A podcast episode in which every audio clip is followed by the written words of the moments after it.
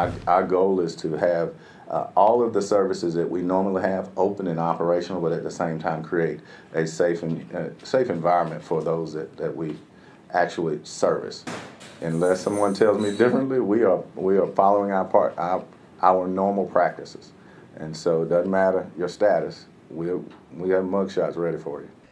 Ja, je hoort de lokale sheriff in het district in Georgia waar Trump later voorgeleid zal worden. En hij zegt, typisch Amerikaans natuurlijk, ook een typische sheriff. Ja, het maakt niet uit wie je bent, maar wij hebben de mugshot gewoon klaar liggen voor je. Dus die kun je laten nemen, hè? die foto waarop te zien is dat je de gevangenis in moet. Compleet met vingerdrukken die Trump ongetwijfeld ook zal moeten afnemen. Kortom, in Georgia gaat het er iets anders aan toe dan in vergelijking met voorgaande aanklachten. Ja, want ik heb natuurlijk gisteren nog een nieuwe podcast uh, opgenomen, maar vandaag uh, mogen we meteen alweer aan de bak. Uh, want Trump is opnieuw aangeklaagd, deze keer in Georgia. Opnieuw natuurlijk. Dat gold voor 6 januari, die zaak. En dat gold ook voor de zaak wat betreft de geheime documenten. De dag die je wist dat zou komen. Want we wisten natuurlijk al weken, maandenlang al, dat deze zaak eraan zat te komen. Meerdere mensen die betrokken waren bij het proces hebben ook al gezegd, nou ieder moment uh, verwachten wij actie. Uh, de dame van het Openbaar Ministerie in Georgia, een democrate. Dus daarin heeft Trump natuurlijk wel gelijk dat zij het heel belangrijk vindt om deze zaak te brengen. Los van het feit of Trump wel of geen dingen fout heeft gedaan. die zei ook van nou, ik wil half augustus ongeveer die aanklacht toch wel klaar hebben. En de afgelopen dagen werd het rechts, gerechtsgebouw daar afgezet. Er kwamen allerlei politiewagens te staan, betonblokken. En toen was voor de Amerikaanse pers ook wel duidelijk: deze dame van het OM gaat zich aan haar planning houden en Trump zal worden aangeklaagd. En dat is dus vannacht Nederlandse tijd gebeurd. Uh, ik zei het al, in Georgia gaat het er iets anders aan toe dan in de andere eh, staten slash districten waar Trump uh, vooralsnog aangeklaagd is. Het begint al met die sheriff, hè, die zegt van nou ja, we hebben gewoon uh, een mugshot. Hè, dit is zo'n foto die we met Trump gaan maken. Hij zal natuurlijk ook zijn vingerafdruk moeten nemen. Maar er zijn ook een aantal andere dingen die anders zijn. Uh, als het gaat om het proces zijn een aantal dingen interessant. Uh, de dame van het OM, dus die democratische mevrouw, die heeft al gezegd... in Georgia gaan wij gewoon die rechtszaak live uitzenden. Dus anders dan al die drie andere zaken. Hè. We hebben de zaak in New York met Stormy Daniels. We hebben de zaak omtrent de verloren verkiezingen. Hè. En 6 januari hoort daar natuurlijk ook bij. En we hebben die zaak wat betreft de geheime documenten. Ja, daar mogen geen camera's in de rechtszaal aanwezig zijn. Daar is echt zo'n schets gemaakt van hoe Trump er dan uitzag. En in New York is er een foto gemaakt, maar geen live video en audiobeelden. En dat is in deze zaak wel.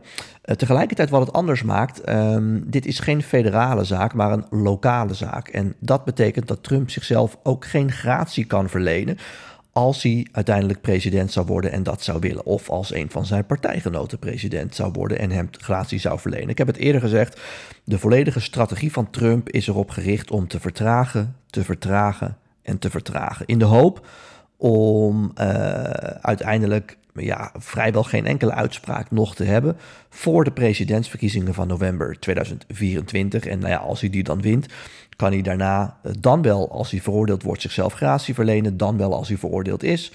Uh, of laat ik het anders zeggen, als hij veroordeeld is uh, of wordt, kan hij zichzelf gratie verlenen. Als er nog geen uitspraak is, kan hij tegen zijn minister van Justitie zeggen: joh, uh, al die lopende onderzoeken slash zaken, maak die even ongedaan. Maar dat kan dus niet als het om Georgia gaat, omdat het een lokale zaak is. Daarom zal een van de strategieën van de advocaten van Trump ook zijn dat hij gaat proberen om dit naar een federaal hof te krijgen. En dan geldt dat gratie, die gratieverlening eventueel wel. Um, dat hele vertragen overigens, en ook het feit hè, dat het mogelijk naar een federaal hof moet. Uh, ja, dat kost natuurlijk ontzettend veel tijd en werk voor al die advocatenteams. En we hebben vier zaken tegelijkertijd. Ik zei het net al, ook die andere zaken.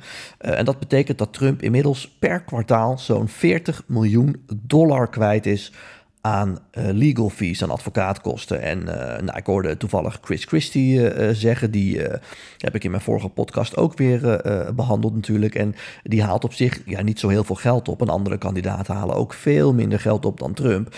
Maar ja, zei Chris Christie, en dat zegt hij terecht, ik kan wel al het geld wat ik ophaal uitgeven aan campagneactiviteiten. En voor Trump geldt dat niet, want die geeft gewoon ja, inmiddels dus 40 miljoen dollar en de teller telt door uit aan advocaatkosten. Dus uh, ja, als je kijkt naar heel 2024 en al die sessies die daar gepland zijn uh, in de rechtszaak, in al die verschillende rechtszalen, ja, dan wordt dat voor Trump ontzettend kostbaar. En de vraag is ook hoe lang kan hij dat nog financieel volhouden. Uh, en los daarvan uh, moet hij natuurlijk ook gewoon campagne kunnen voeren. En dan kom ik terug op het punt wat ik vaker heb gemaakt. Trump gaat volgend jaar gewoon campagne voeren vanuit de rechtszaal. A, omdat zijn doel in die rechtszaal niet zozeer is om die zaken ongedaan uh, te maken via zijn advocaten. Maar dat is dus vooral om de verkiezingen te winnen. En vervolgens zichzelf gratie te verlenen. Dat is zijn strategie. Dus hij kan ook gewoon prima campagne voeren vanuit de rechtbank. Ehm, ja, en B hij zal wel moeten, uh, um, uh, want hij is gewoon ontzettend vaak uh, geboekt al om te verschijnen. En ja, nogmaals, ook dat maakt dat die advocaatkosten flink de pan uit gaan lopen. Nou, dan tot slot nog even over deze spieke, specifieke aanklachten. Wat speelt hier nou precies? Nou, dit gaat ook. het is een beetje, je moet het een beetje zien in het verlengde van die andere zaak die speelt omtrent de verloren verkiezingen. Alleen dit gaat specifiek dan over wat er in Georgia is gebeurd. Ehm, in de dagen na de presidentsverkiezingen van november 2020. En we kennen natuurlijk allemaal het telefoongesprek wat Trump heeft gedaan. Hè? Ik heb, uh, het enige wat ik van je nodig heb, zei hij toen tegen de Republikeinse meneer die over de stemmentelling ging. Het enige wat ik nodig heb is dat jij mij even 12.000 stemmen uh, vindt. want dat is wat ik nu achtersta op Joe Biden. Je kan toch gewoon zeggen dat je herteld hebt en dat we gewoon 12.000 stemmen zijn ingelopen. Dat kun jij gewoon doen. En als je dat niet doet, dan zijn er heel enorm grote problemen voor jou. Nou, dat telefoongesprek is natuurlijk het hart van deze zaak. Maar in totaal zijn er iets van 40 aanklachten die ook te maken hebben met telefoontjes die Rudy Giuliani heeft gepleegd. Die ook te maken hebben met persconferenties die Trump, Giuliani en de advocaten Sidney Powell hebben gegeven. Uh, en het heeft ook te maken met bijvoorbeeld uh, druk die zijn stafchef Mark Meadows heeft uitgeoefend op uh, lokale ambtenaren. Dus dat betekent ook dat, en dat maakt ook deze aanklacht uniek, dat niet alleen Trump aangeklaagd wordt, wordt maar in totaal 18 mensen Waaronder dus ook Rudy Giuliani, Mark Meadows, de voormalig stafchef van Trump. En advocaten Sidney Powell, die kennen we nog van Fox News. Van al die uitzendingen van Tucker Carlson, waarvoor Tucker Carlson inmiddels ook ontslagen is. En Fox News een boete van ruim uh, eh, 700 eh, miljoen dollar heeft moeten betalen. Nou, dat is dus in het kort de zaak in eh, Georgia. Uh, wat hier ook nog meespeelt, hè, ik had het net over het onder druk zetten van mensen, is een lastercampagne naar een aantal mensen. Er zijn een aantal vrijwilligers geweest van stembureaus. Uh, twee uh, vrouwen in het bijzonder, die ook in het congres getuigd hebben, springen daarbij in het oog. Ja, die zijn door Trump persoonlijk genoemd en ook door Giuliani persoonlijk genoemd als mensen die hebben gefraudeerd. En die dames zeggen van ja, wij zijn gewoon vrijwilligers, we hebben ons best gedaan. En die hebben dat ook in het congres getuigd. En ja, inmiddels kunnen die dames niet meer veilig over straat. Is hun hele familie zwart gemaakt. Uh, zitten ze in zware depressies. Uh, en Rudy Giuliani heeft eerder bij een zaak van die dames al moeten toegeven dat hij dat wel zei. Dat zij fraudeerden, maar dat hij daar geen enkel bewijs voor had. En ook dat maakt onderdeel uit van deze zaak. Dus een brede zaak als het gaat om het uh, proberen te veranderen van die verkiezingsuitslag in Georgia. Uh, en uh, ja, wat deze zaak anders maakt dan andere zaken, is dat het er vooral heel Amerikaans aan toe gaat. Hè. Zie ook die uitspraak van de lokale sheriff. Goed, dat tot zover wat betreft deze zaak. Dan naar jullie vragen die jullie ingestuurd hebben via Instagram, Twitter en LinkedIn.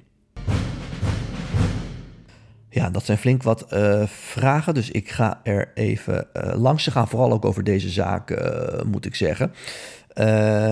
Axel die vraagt: In hoeverre zit er een lobby van de Democraten achter de aanklacht in Georgia? Nou ja, ik zei het al, Axel, deze da dame is democratisch.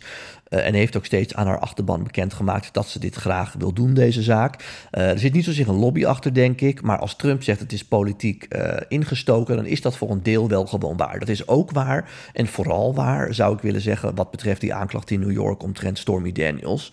Omdat dat natuurlijk om een boekhoudkundig iets gaat. Uh, en ook omdat je zou kunnen zeggen, nou, er spelen in New York uh, wel een stuk belangrijkere zaken dan dit. Uh, in deze zaak geldt natuurlijk dat als dit allemaal klopt, dat Trump natuurlijk echt wel flink de schreef over is gegaan.